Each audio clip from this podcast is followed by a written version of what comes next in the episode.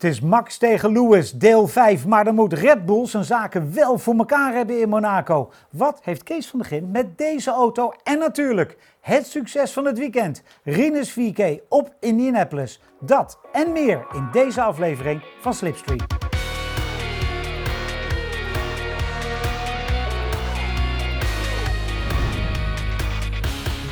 Kees, ik wil beginnen met uh, heugelijk nieuws, mooi nieuws en leuk nieuws.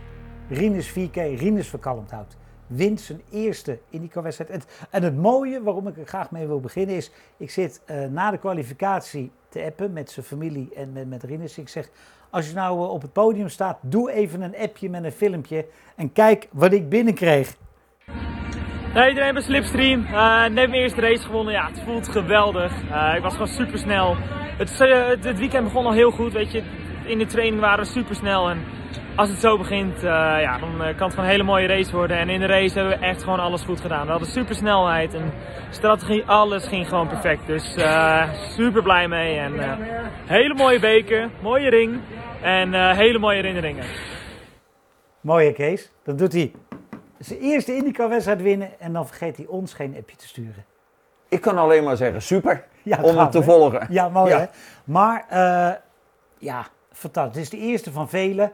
Uh, je eerste IndyCar-wedstrijd winnen op Indianapolis. Oké, okay, niet op de Oval, op de road course, maar het blijft Indianapolis. Hij is de eerste rijder die uh, de Road to Indy, dus de, de, van Formule 4 2000 naar Indy Lights, naar uiteindelijk de IndyCar, in alle categorieën gewonnen heeft. Ja, uh, het is de eerste, maar niet zijn laatste. Nee, zeker niet. dit zit er heel belovend aan. Hij is nou eigenlijk ook behoord tot de supersterren in Amerika.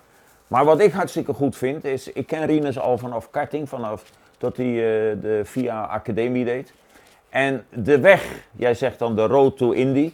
Maar ik vind zijn hele autosportcarrière, die hij met vader en moeder uitgestippeld heeft. En daar is dit nu het resultaat van. Zeer, ja, super resultaat. Maar die mensen hebben dat goed met z'n drieën uitgestippeld. Die keus gemaakt voor Amerika daar begonnen. Ik geloof in Formule 4 2000 of iets. Ja, ja, Zo begonnen en steeds stapje, stapje, stapje.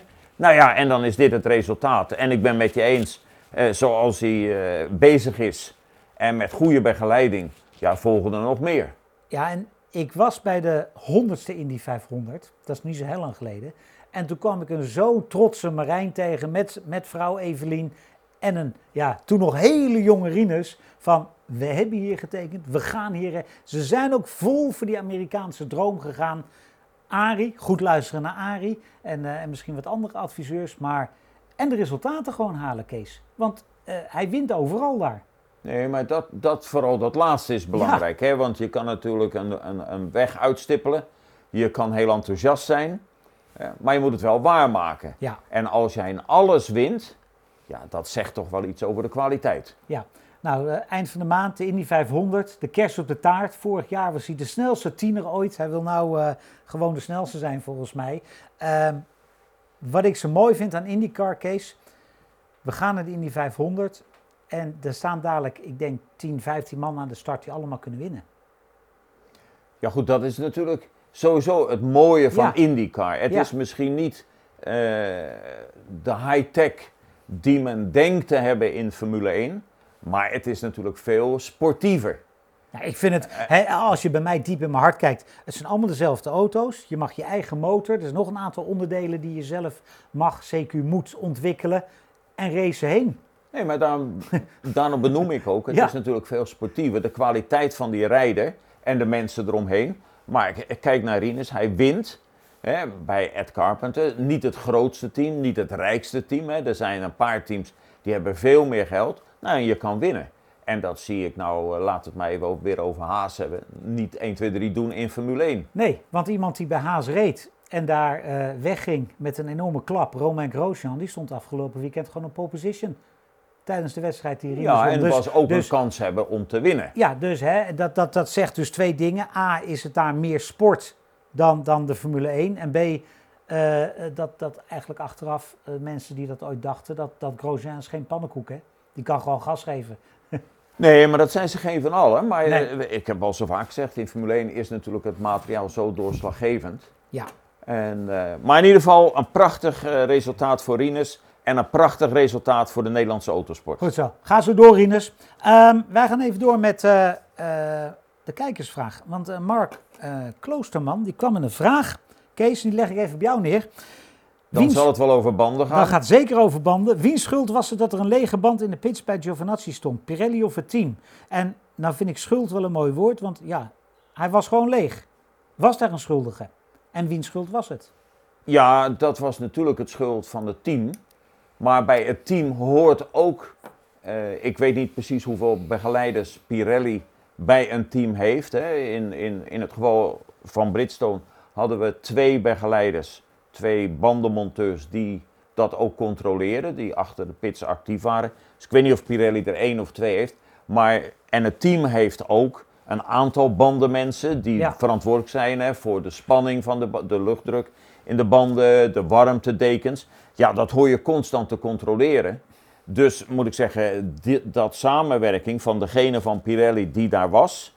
Dus niet Pirelli als firma, niet de slechte kwaliteit Nee, nee, nee, of iets. Want het kan ook het ventiel zijn. Hè, Nou, wat- ik begrijp dat het, dat het ventiel stuk gegaan was. ja, dat kan. Maar, maar want, en dan zeg ik, want daarom vind ik schuld eh, vind ik zo moeilijk in deze. Want het zou natuurlijk kunnen zijn, Kees, dat, dat nog net even iemand de spanning wilde controleren. Hij trekt de bandenspanningsmeter eraf. En op dat moment gaat er net even iets stuk op ja, dat maar ventiel.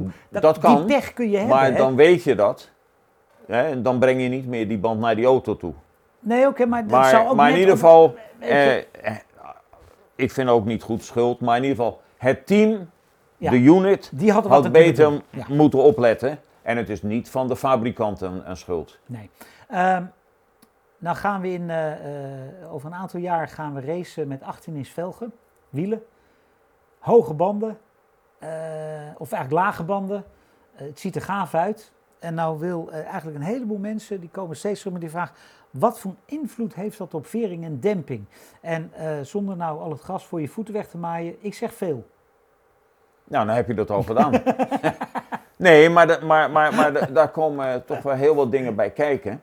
Hè, eh, ten, ten eerste, eh, de reactie, ik zal het in, in, in Nederlands en probeer te begrijpen, de reactiesnelheid van, van het sturen, insturen, wordt veel hoger. Ja, Hè, dus dat is al iets, dus je geometrie moet je aanpassen.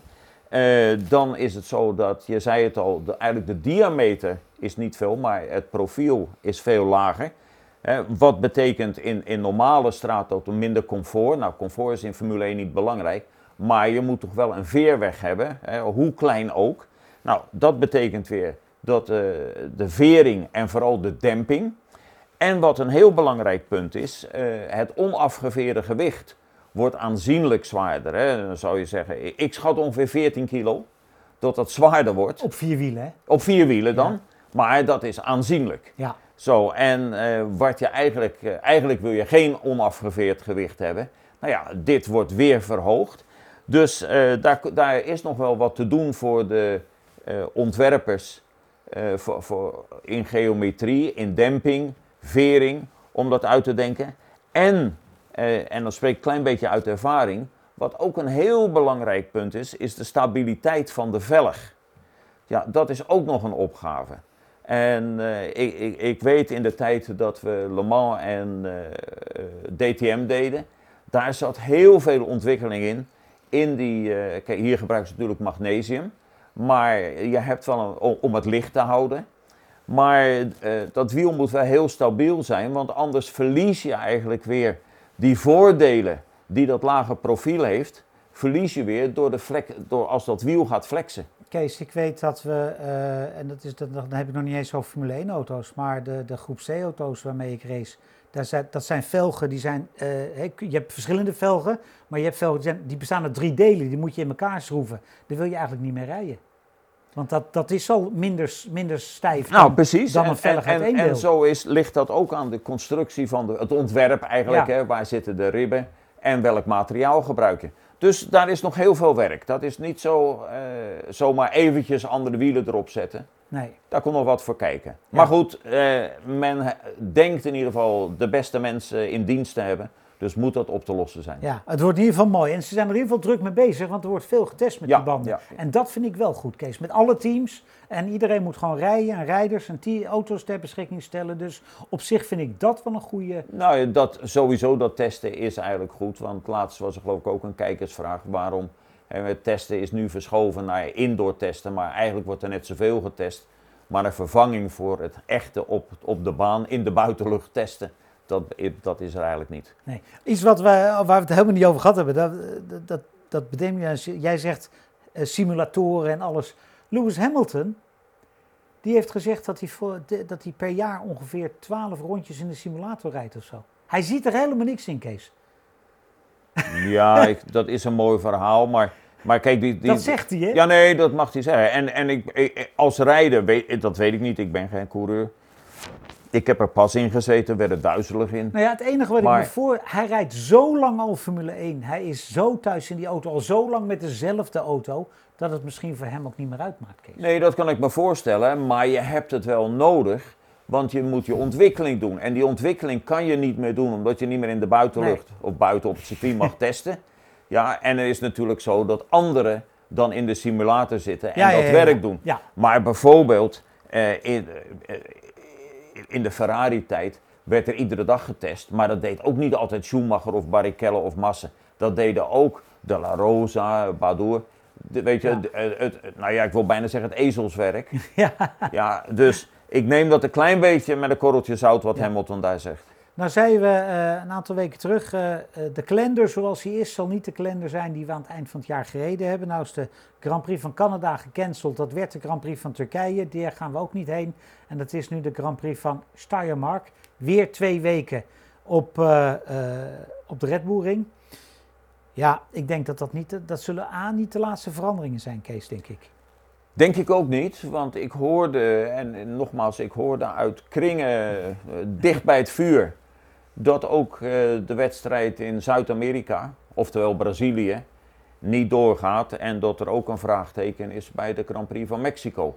Ja, maar, En- eh, ik begreep dat, dat Brazilië werd sowieso gecanceld. En nou is er een beetje een vraag van, rekenen we Mexico ook bij Zuid-Amerika? Terwijl het eigenlijk niet Zuid-Amerika is. Maar daar hangt ook een vraagteken. Ja, en, eh, maar, maar, Brazilië als je, zeker. maar als je in die, eh, de, de cijfers hoort, en nu is eh, Bolsonaro eindelijk van plan, geloof ik, om toch maar eh, te gaan vaccineren. Maar eh, het, het is daar natuurlijk schrikbarend. Ja.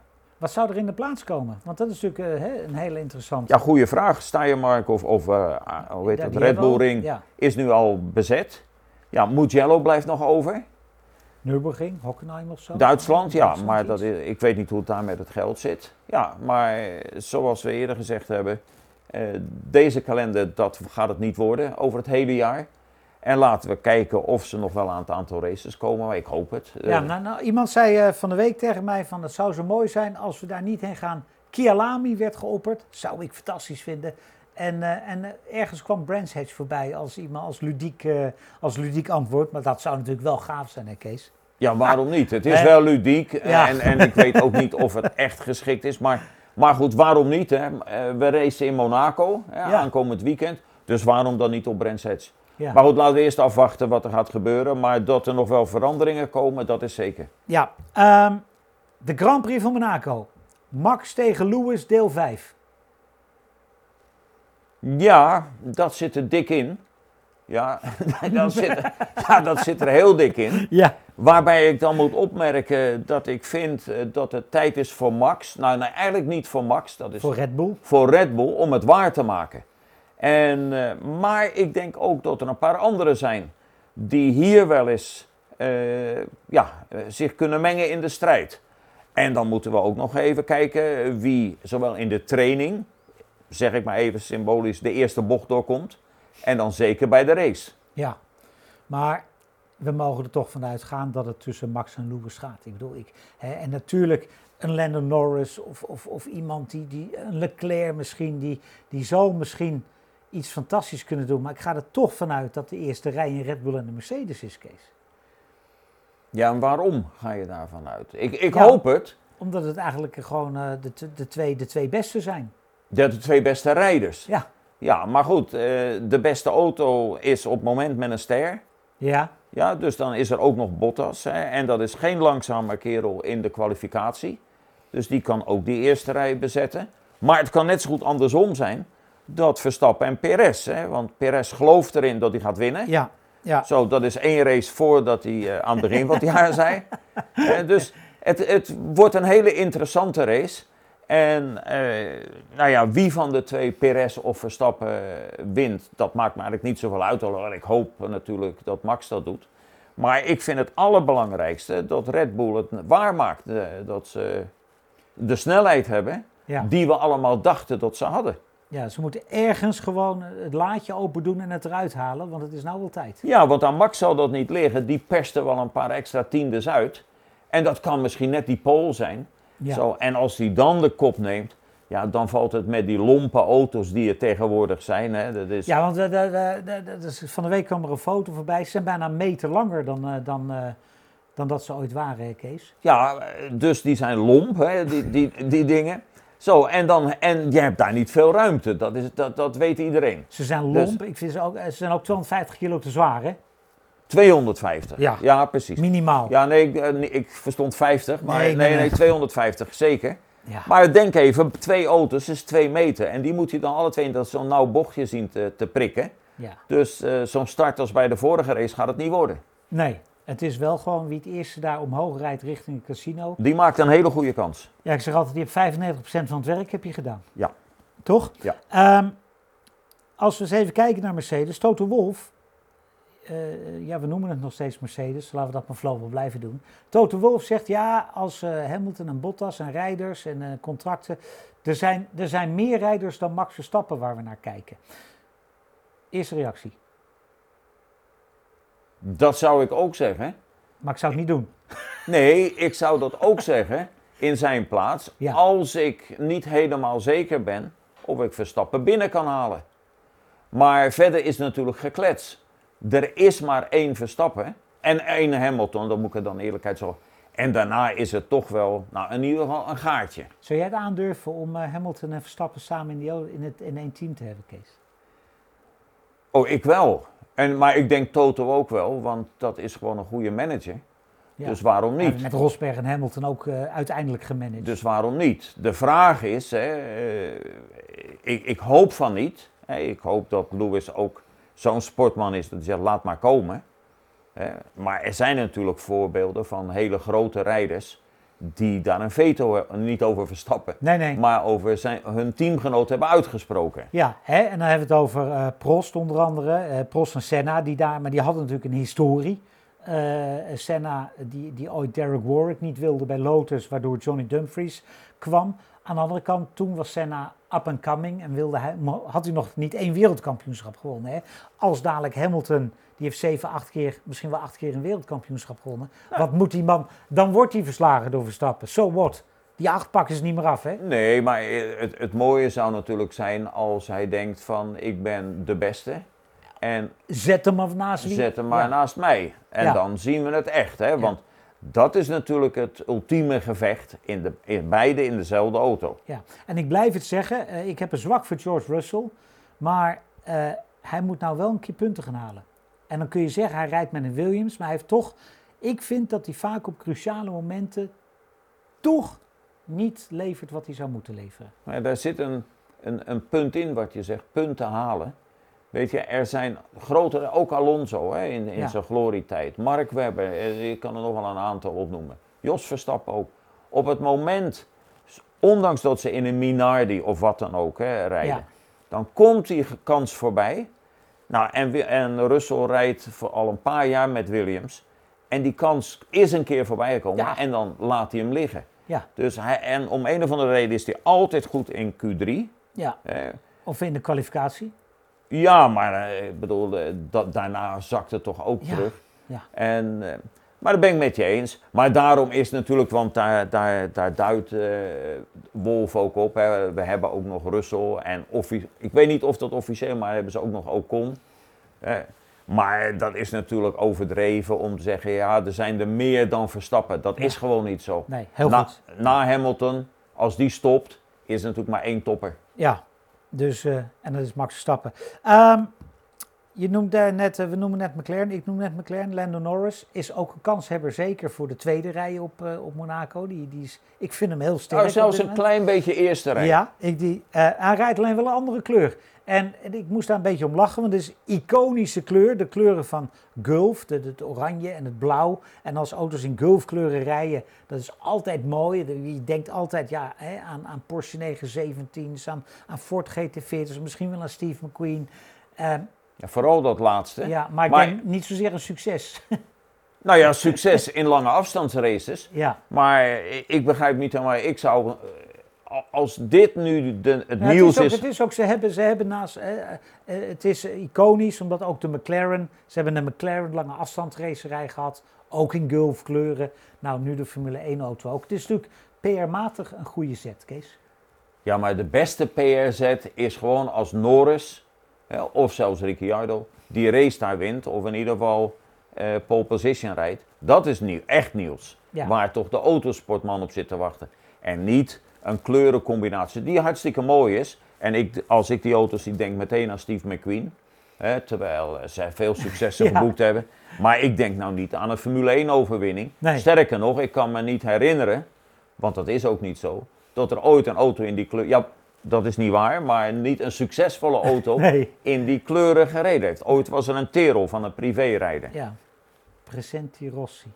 Correct, uit Italië. En volgens mij reed nog op Zandvoort ook, Kees. Heeft hij op Zandvoort ook gereden? De maar goed, dat eh, zou ik op moeten zoeken. Ehm, in ieder geval, het is wel ludiek. Het is Monaco, het gebeurt meer. We hebben Jaguar gehad met, met allerlei diamantjes. We hebben Red Bull gehad met, met Superman. We hebben volgens mij nog wel James Bond dingen gehad. Dus ook, hoort ook een beetje bij Monaco. Dat hoort bij Monaco, maar van wat je nu even snel noemt, hè, was dan alleen die Red Bull. Ja, die op het podium maar, ja, op podium Ja. en de rest was natuurlijk alleen maar PR, maar geen succes. Nee. Ehm, Alpine denkt dat ze succesvol kunnen zijn op Monaco. Ferrari denkt dat ze succesvol kunnen zijn op Monaco. Het wordt druk in de top 10, Kees.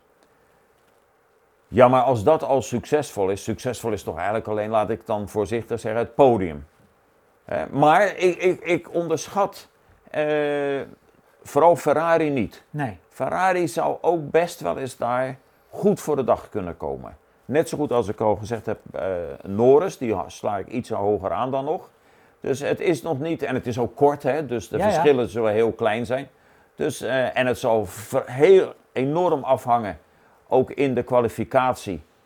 Eh, heb je net dat gat, hè, dat Ja. je net die ronde kan rijden. Waarschijnlijk kom je altijd wel één of twee auto's in het verkeer tegen.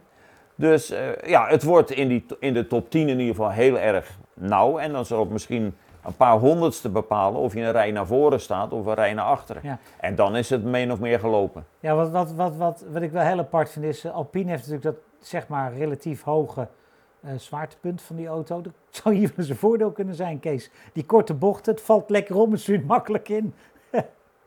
Dat zou best kunnen. Ja. Het zou, ik, ik, ik verwacht het niet. Maar, Nee, maar Ja, ik- nou ja, ik bedoel ook. eh, nee, ik, ver- ik verwacht niet dat ze daar eh, de sensatie zullen zijn. Maar het, het feit is dat ze kleine progressie maken. ja. Dus waarom niet? En, en Monaco heeft wel meer voor verrassingen en, en eh, bijzondere winnaars gezorgd. Ja, over bijzondere dingen gesproken. eh, we zijn nog niet, we zijn vier races weg, Kees, maar mag ik toch van de eerste vier races ehm, eh, Yuki Tsunoda als de teleurstelling even bestempelen? Ik had echt heel andere dingen verwacht van die man. En Nou, misschien wel gehoopt en misschien wel tegen beter weten in, maar het is er in ieder geval niet uitgekomen. Dan zie je dat jij toch objectief bent. En dat is te waarderen. Ja. Maar dat is natuurlijk tot nu toe eh, eh, ja, eh, teleurstellend. Ja, toch? Ja. En, en misschien Alfa Tauri ook wel een beetje, maar ik denk dat dat hand in hand gaat. Want als, hè, als naast Gasly een jongen hebt die gewoon ook lekker, dan gaat zo'n heel team ook automatisch beter. Ja, Gasly doet natuurlijk niet slecht. Hij doet misschien minder dan we verwacht hadden, omdat de Red Bulls ook goed gaan. Maar Tsunoda is teleurstellend. En ondanks dat het een favoriet is, zijn we ook daar kritisch op. Ja, heel goed. Ehm, ik wou eens een, eh, een foto pakken. Ik dacht al, waar blijft hij? Het is een, eh, een blauwe auto op Monaco. Ik zal hem even laten zien. En voor de mensen die de podcast luisteren, het is Stefan Bellof in een Tyrrell op Monaco. En eh, het is de auto, Kees, die voor jou ook nog persoonlijke herinneringen denk ik, heeft. Ik weet niet of dat precies deze was, maar ongeveer dit model. En Stefan Bellof heeft voor mij heel veel persoonlijke herinneringen. Ja, en voor mij ook. En, eh, want Stefan was natuurlijk ook een prima karter. Ja, En ja, dat is moeilijk voor mij om te zeggen de snelste Duitser, maar het was wel een, een, op dat moment zeker. ja, op dat moment zeker een topper. En eh, hij was natuurlijk wat vaak vergeten wordt, sensationeel in Monaco. Die beroemde race waar eh, Jackie X iets te vroeg afvlagde. Ja, hè, dat was de race dat, dat eh, Prost won.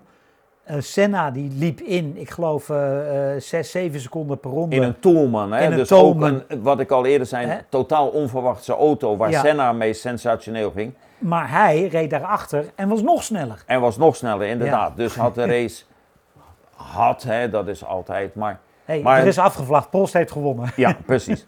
Maar eh, ja, dat was sensationeel. En ik kan, mag, mag ik iets dichterbij Ja. zien? Want ik kan niet goed zien of dit met de Renault motor Nee, is. dus met de Cosworth motor. Heb ik Met speciaal, heb de- speciaal gevraagd met Ja. de Cosworth motor. Ja, dat is heel goed. Want dat was natuurlijk ook iets eh, met die Teros. Dat waren eh, toen nog de enige die ga- nou, ja, snelheid hadden. Weliswaar een klein beetje met, met hulp van ondergewicht te rijden. Ja. Maar goed, dat terzijde.